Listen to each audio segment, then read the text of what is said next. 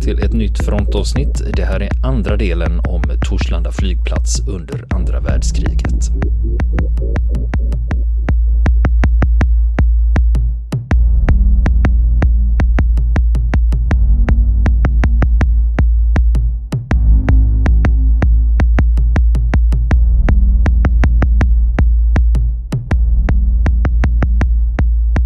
Och i Torslanda 1940 då hade vi ju fortfarande J8 Gloster Gladiator placerade där. Och i november skulle en pilot, Olle Malmsten, han skulle flyga målgång. Och det är när man flyger och så övar luftvärnet bara att rikta in sig på flygplanet. Mm. De skjuter inte. Och han skulle flyga med en SK11, det var en Tiger Moth som de använde för den här målflygningen. Och innan han lyfter ska han kontrollera bränslenivån. Piloter gör ju det, man har ju en mm. checklista så går man på bränslenivån. Men då är det en sergeant som säger till honom, nej nej nej den är full. Och Malmsten bara, men jag tänkte ändå kolla, va? Och då säger sergeanten, va? Litar du inte på mig och kände sig jättekränkt då? Så för att undvika konflikten så Malmsten skiter i att kolla bränslet och sätter sig i sin Tiger Moth och flyger iväg. Och han lyfter och det går bra i 45 minuter, sen hostar motorn till och lägger av. Det var slut på bränsle. Mm. och, eh, då, men hur som helst, han är i alla fall över hissingen, han är i alla fall inte över havet. Så han är vid Björlanda ungefär och då lyckas han glidflyga och landa ganska okej okay på en åker. Och planet är oskatt. Men problemet är att den här åken han landar på, den lutar. Och en mm. Tiger Moth har inga hjulbromsar. Nej. Utan den rullar av, den rullar till av gravitationen. Rulla. Så rullar ja. den tills det tar stopp och det gör ja. det i en stengärdsgård. Och nu är det så här att eftersom han var pilot på det här planet som fick bränslestopp och han lyckades dessutom skada det i en stengärdsgård. Så då blev det ett straff då. Då skulle han dömas till sex dagars arrest. Och då ringer divisionschefen till Kviberg då, för de har en arrest i Göteborg mm. där man sätter eh, militärer. Och tyvärr var det fullt i Kvibergs arrest, så då fick de låsa in honom på officerarnas matsal ute på Torslanda, så han fick sitta där. Då. Den här piloten, Olle Malmsten, det, det är inte slut med historier om honom, utan nyårsdagen 1941 de ligger ju i beredskap, det vill säga de står ju med plan igång för att kunna försvara det svenska luftrummet mm. ifall det händer någonting. Och Olle Malmsten går på beredskap och han får larm om att två Messerschmitt var på väg söderut längs med Bohuskusten. Och så skulle han upp med sin Gloster Gladiator för att avvisa dem ur svenskt luftrum. Och han flyger rakt västerut och stiger. Och halvvägs till Danmark, då dör motorn. Ut över havet och det är nyårsdagen, då är det lite kallt va.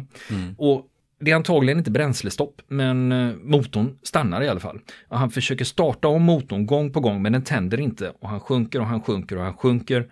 Och så inser han, herregud, jävlar, det var ju bråttom då när han skulle i kärran så han har glömt att ta på sig flytvästen. Mm. Och så tänkte han så här, men fan vattnet är så kallt så det spelar nog ingen större roll. Det är inte så många minuter jag har på mig ändå. Men på 50-100 meters höjd, då lyckas motorn tända och han får igång den. Och så börjar han, och, stor lättnad, så han svänger mot land. Men det är fel land.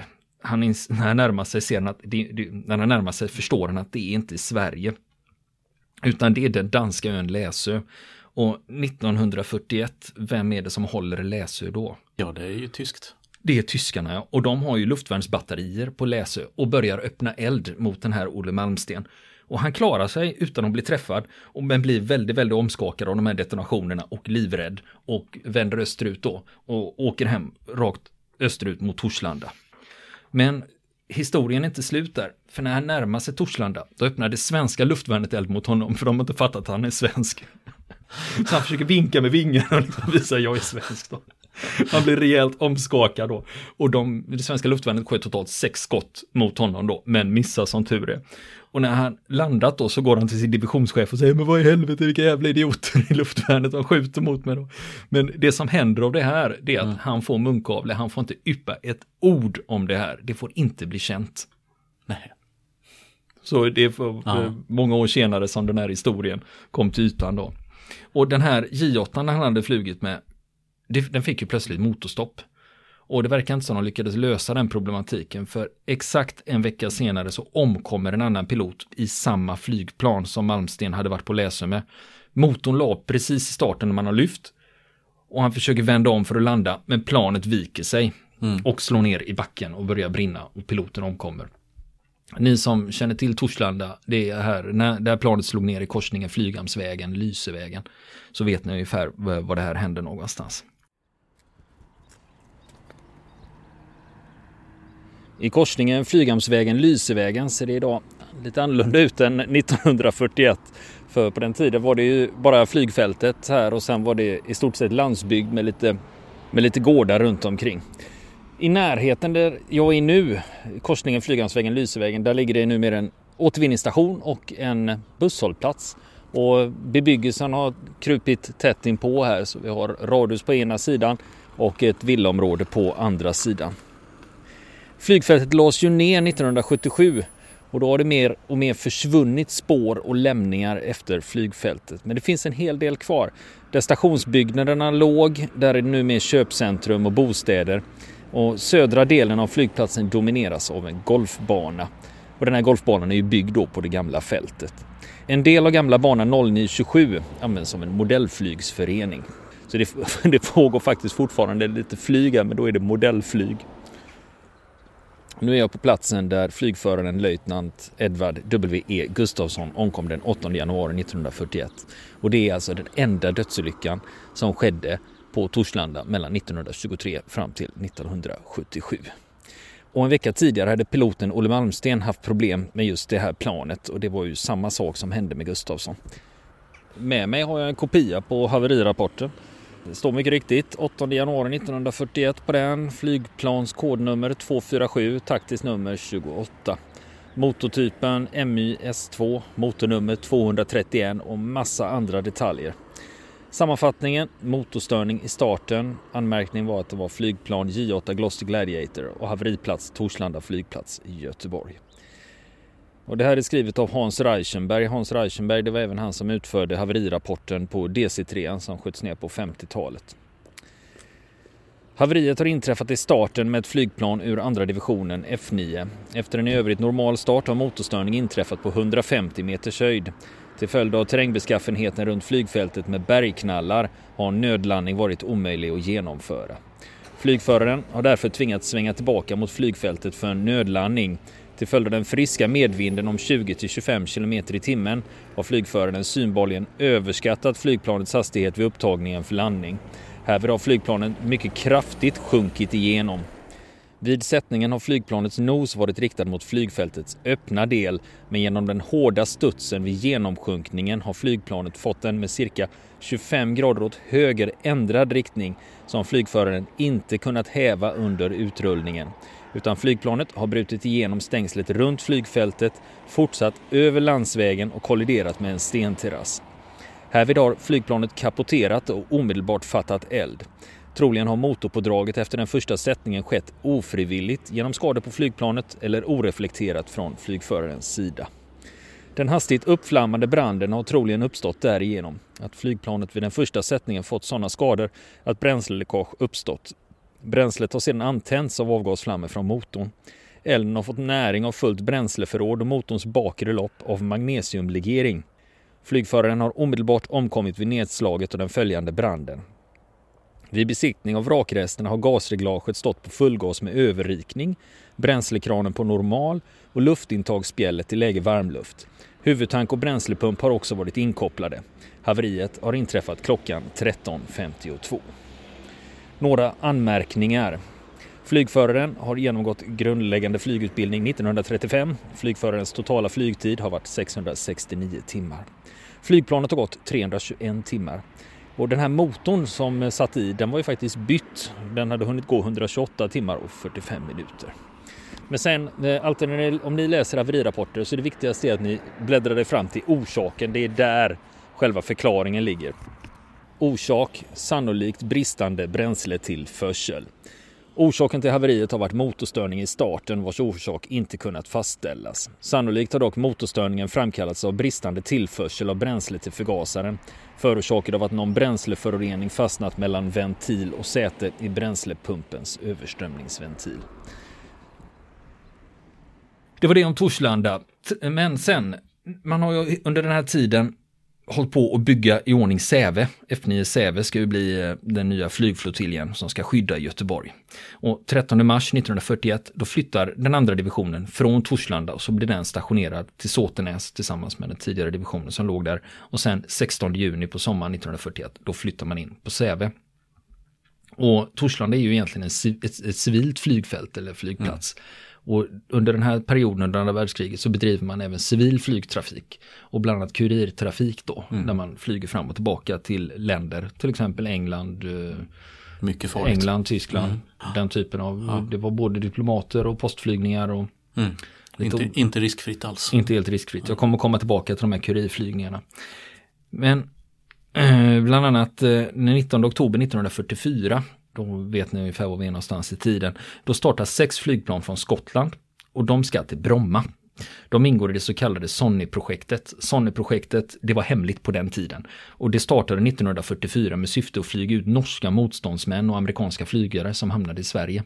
För det var inte ovanligt att eh, amerikanska flygplan var tvungna att nödlanda i Sverige och det var ett sätt då att få ut sina, få hem sina piloter och sätta dem i rotation igen då.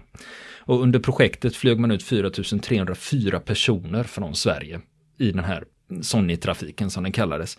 Och eftersom Sverige var neutralt, då fick amerikanerna skapa sig ett civilt flygbolag för det här som hette The American Air Transport Service. Mm. Och många av dokumenten kring Sonny-projektet, de var hemligstämplade ända fram till 1999. Så, så känsligt ansågs det här projektet vara. Men nu hade vi sex flygplan som var på väg från Skottland till Bromma. Och ett av de här planen får motorkrångel över Nordsjön och får vända tillbaka till Skottland och då är det fem kvar på väg mot Bromma. Och de har med sig bränsle och reservdelar och de ska till nödlandade amerikanska bombplan som står i Malmö för det landade väldigt mycket bombplan i Malmö av amerikansk typ och då ska man förse dem med bränsle och reservdelar så man kan laga upp dem och få iväg dem. Och under andra världskriget så nödlandade ju mängder av utländska stridsflygplan på svenska flygfält. Och nu var det inte bara nödlandningar utan många blev nedtvingade av svenska plan. Och mot slutet av kriget så kom det ett 30-tal plan med tyska desertörer totalt 340 plan landade i Sverige och 20 juni 1944 slog man rekord nere på Bulltofta i Malmö för då landade 17 amerikanska bombplan på en dag. det var, det var liksom att ställa in all öververksamhet. Så fick man ungefär 100 man att ta hand om på en enda dag där ja, och inte nere. Ja, men det var mycket, det var flera av markpersonalen i, på Bulltofta som fick amerikanska eh, medaljer. För mm. att de ryckte in eh, till exempel när det landade ett brinnande ett plan som slog mm. omkull och började brinna. Då rusade markpersonalen in och ryckte, drog ut den amerikanska besättningen. Så mm. de belönades med medaljer emellanåt. Mm. Och just den här natten som jag pratar om nu, 19 oktober, eh, då är det dimma på Bromma. Så de här fem planen som är på väg dit, de är nästan framme och då får de rapporten från Bromma att nej, vi har dimma. Ni får gå till Torslanda, det vill säga vända och åka tillbaka eh, igen då. Och i västra Sverige var det också problem med dimma och Torslanda anropar det sista planet i, i gruppen då, en DC-3 och frågar vill du inte gå mot en annan flygplats istället? Och då så svarar han, nej jag har inget val, soppan är slut. Och en halv minut senare ja. landar han på Torslanda. och det är sån jävla dimma, så markpersonalen de ser inte planet för dimman. Eh, men de hade ju hört motorljudet att han ja. hade landat så de fick skicka ut en bil och liksom köra ut på landningsbanan. Och liksom, ah, där är han. Liksom, ja, där är du. Och det här hänger lite ihop med att det här Sony-projektet var så hemligt så att de flög gärna i sopigt väder. Mm. För att uh, undgå upptäckt för då var det mindre risk att de skulle synas och det var inte så mycket annat. Tyska jaktflyget inte uppe och så vidare. Nej, precis. Så det var också därför det blev lite problem här när de flög i så jävla sopigt väder. Men då hade vi ju fem flygplan på väg mot Torslanda. Alla plan, kommer inte fram. Klockan 01.20 störtar ett av de här planen. Det var en C-87 Liberator som störtar vid sjön Anten som ligger norr om Allingsås här i Västsverige då.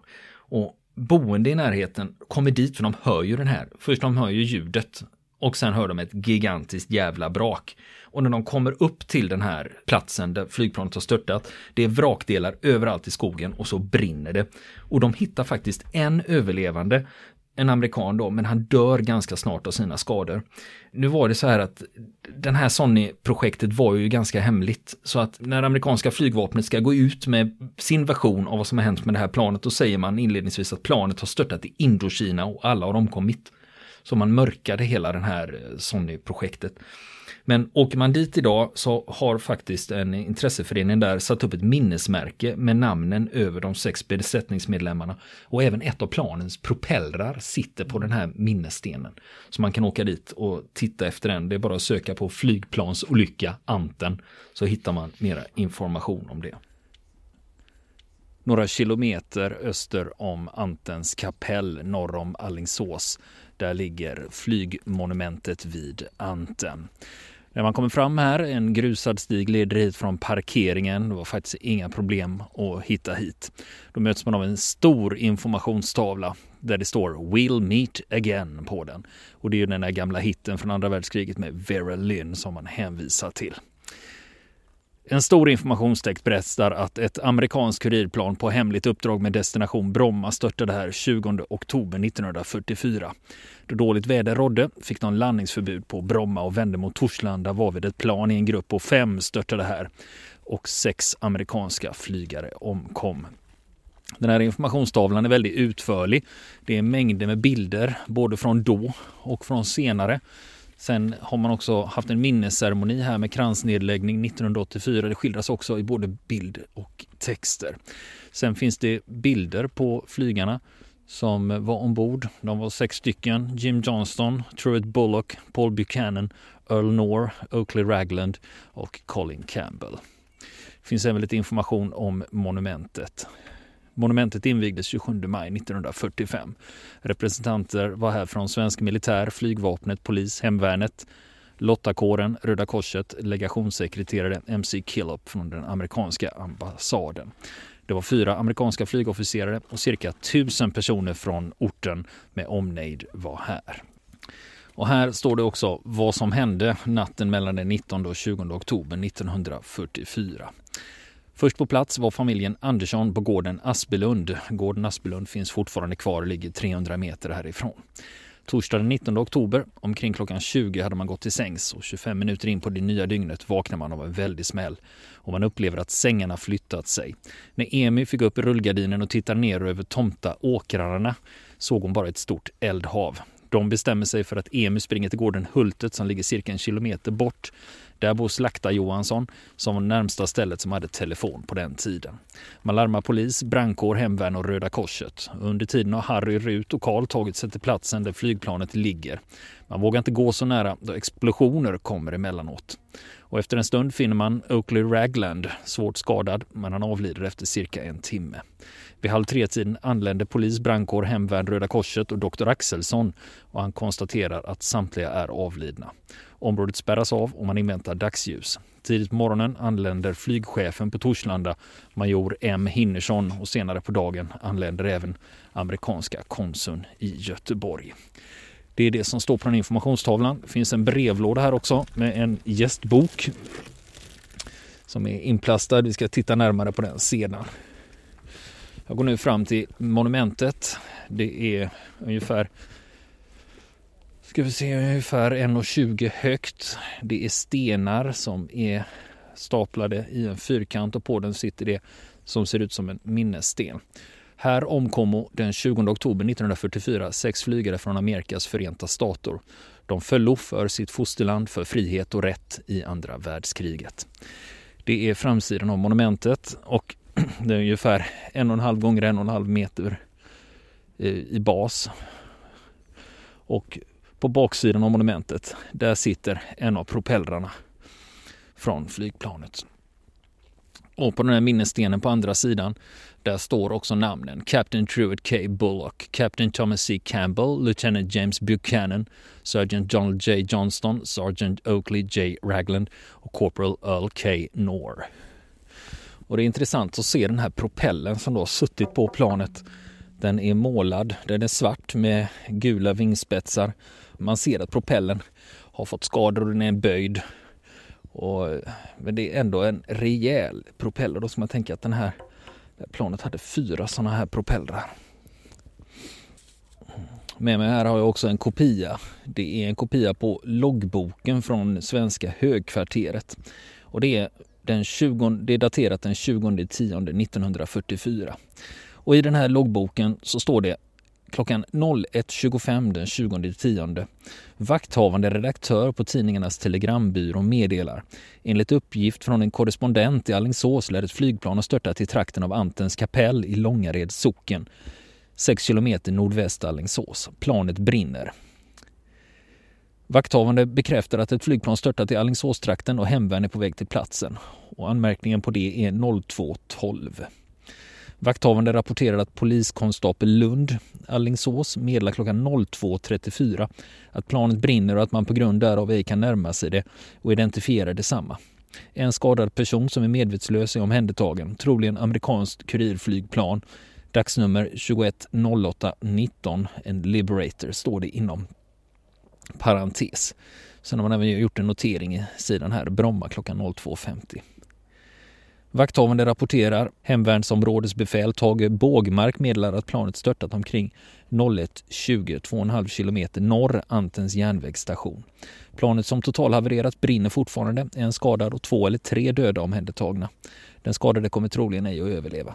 Två motorer funna, planet märkt NO 18618. Planet har plöjt en 20 meter bred och 300 till 400 meter lång gata i skogen. Explosioner, förmodligen av bensindunkar. 15 av 20 pundsedlar funna och överlämnade till polisen. 10 hemvärnsmän och 6 polismän samt läkare och ambulans är på platsen. De har även hittat loggboken från flygplanet. Man gör även en notering senare på dagen som inkom klockan 10.30 i loggboken att loggboken från det störtade amerikanska kuriren är i stort sett oskadad och där står det namnen på samtliga besättningsmedlemmar. Sen klockan 11.55 så har högkvarteret haft kontakt med Bromma som eh, säger att eh, flygledare Andersson meddelar att radioförbindelsen avbryts klockan 00.12 med flygplanet. Och amanuens Ovegård på Luftfartsmyndigheten har hand om utredningen. Jag har med mig en kopia på den amerikanska haverirapporten också. Eh, där börjar man med att skriva att eh, planet har störtat i Göteborg, Sverige. 19 oktober 44. De har även en lista på besättningen med namn och vilket tjänstenummer de hade och vilken tjänstegrad de hade. Det står även här att pilot var Captain Bullock och sen står det massa olika. Ja, som i de flesta haverirapporter så skriver man hur många timmar har planet gått och hur mycket har piloten flugit på den aktuella modellen. Och man gör även en notering om att flygplanet är totalhavererat och att vädret vid tillfället var dimmigt. Och eh, uppdraget var transportflyg till Stockholm. Nature of accident landed in woods and caught fire. Cause of accident unknown.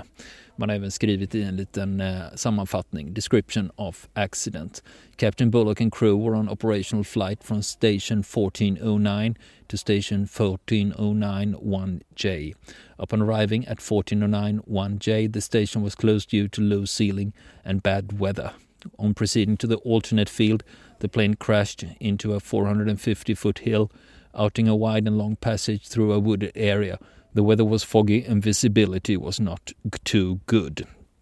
Den här rapporten är undertecknad av David Schreiner som är kapten i Air Corps.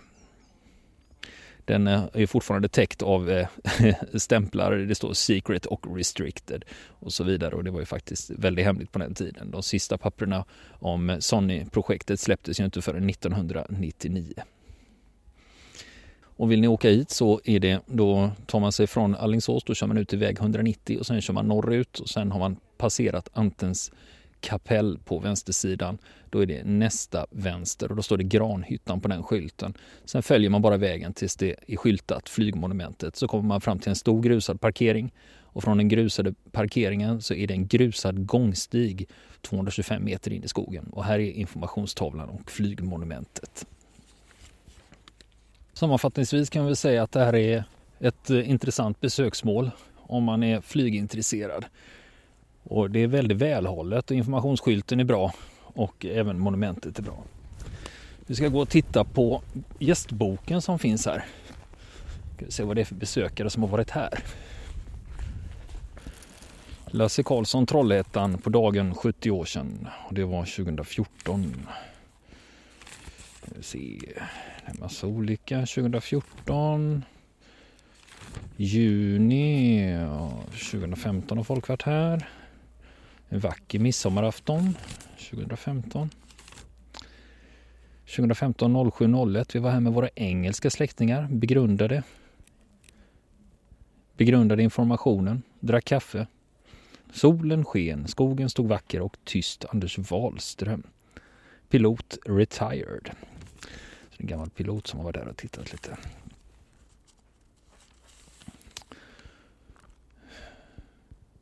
Niklas Friberg från Stenkullen skriver så här. Var här för cirka 40 år sedan senast. Då syntes fortfarande spår i skogen efter kraschen. Det är något som jag gått bet på. Kanske jag hade med mig någon ögonvittne eller någonting som kunde peka ut det där lättare. Och då skriver vi dagens datum och eh, idag är det 12 december 2015. Skriver jag militärhistoriska podcasten Fronten var här och gjorde reportage. Sen har vi det här med nödlandningen av utländska plan i Sverige. Det skedde ju även på Torslanda. Och 5 april 1945 då kommer det en Mosquito från RAF. Den kommer i full fart utifrån havet och passerar flygfältet i full karriär. och då har man ett luftvärn öster om fältet då som öppnar eld mot den här moskiton. Och de fattar att här är det farligt, va? så de svänger nordväst ut mot havet igen. Men då möts man av luftvärn ute på Björkö i norra skärgården. Mm. Där finns det också luftvärn. Mm. De öppnar eld och då svänger moskiton igen. In eh, lite mera söderut den här gången. Men då möts de av ytterligare luftvärn från Lyse som ligger i närheten av Torslanda och även från Käringberget där man också har luftvärn. Och då inser de att de är ganska omringade och de kan inte göra något annat utan man buklandar på Torslanda. Hmm. Vad fan ska du göra? Nej, precis, precis. ja, ja. Hur som helst, det är ändå neutrala ja, Sverige. Och nu kommer vi till en intressant historia här. För jag nämnde ju deserteringar och tyskar. Att det, kom att det kom tyska flygplan med desertörer. Det vill säga att man tog ett flygplan ja, från det förbandet man var och så stack man till Sverige. Och det här skedde 8 maj 1945. Känner du igen den dat det datumet? Mm, det var väl några som kapitulerade då. Det var någon som kapitulerade, ja, just det. Ja. ja. Då händer det grejer på Torslanda, för då kommer det en stor jävla Focke-Wulf 200 Condor mm. och nödlandar på Torslanda. Och det är ett stort tyskt mm. fyrmotorigt flygplan. Mm. Just det. Och personalen på marken som kommer fram och möter besättningen, de märker att det är en man kort. Det är en för lite i besättningen. Och då får de höra följande historia. Att planet kommer från Oslo. Besättningen vet att kriget är slut och de bestämmer sig för att sticka. Det är ju kört i Norge. Och de vet ju att det är för jäkligt i Tyskland. Så då väljer de att försöka ta sig till Afrika istället. Så de skulle till Afrika. Men alla är med på det här, utom en i besättningen. För de var full besättning när de lämnade Oslo. Och han gillar inte det här, för han vill tillbaka till sitt faderland. Mm. Och hjälpa till och bygga upp Tyskland igen. Så för att sätta stopp för de här planerna, då tar han ett av de bakre kulsprutorna i planet och skjuter sönder en av motorerna. För att man inte ska kunna ta sig ja. till Afrika.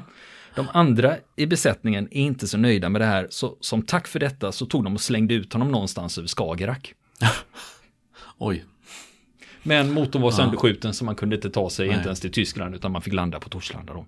Nu är ju problemet att när det gäller en, en story som är riktigt, riktigt bra, mm. då är den nästan alltid för bra för att vara sann. Och jag har bara hittat en källa som mm. skriver om den här historien och det är flygvapennytt från 1970. Sen har jag inte fått den verifierad någonstans. Mm. Och det finns en annan version som är lite mildare, att det var faktiskt fråga om en vårdaskjutning. Att mm. det inte alls var meningen att någon skulle skjuta sönder någon motor. Och de var inte alls på väg till Afrika utan de skulle till lettiska Kurland för att rädda tyskar. Mm. Men det kanske är någon av våra lyssnare som eh, sitter på mer information om den här episoden. Kan vi inte göra en liten efterlysning? Ja, är det någon som känner till ja. om den här, om den här Focke-Wulf 200 Condor, ja. om det faktiskt var så att någon slängde ut en besättningsman mm. innan de nödlandade på Torslanda så är ni alltid välkomna att höra av er. Just det. Kondoren är ju väldigt intressant också därför att den, eh, den användes ju bland annat för att spana mot uh, allierade konvojer vid Murmansk och så vidare. Det var ju ett långdistansplan. Och uh, det finns mig veteligt inget bevarat exemplar av det planet någonstans i världen. Eh, däremot så håller man på på ett Tekniska museet i Berlin att pussla ihop resterna av en kondor som man har hittat i en fjord i Norge. Så att eh, vi får se hur långt de kommer, om det faktiskt går att eh, få ihop hela planet. Det kan bli det ett spännande projekt att följa. Det finns på eh, museets hemsida.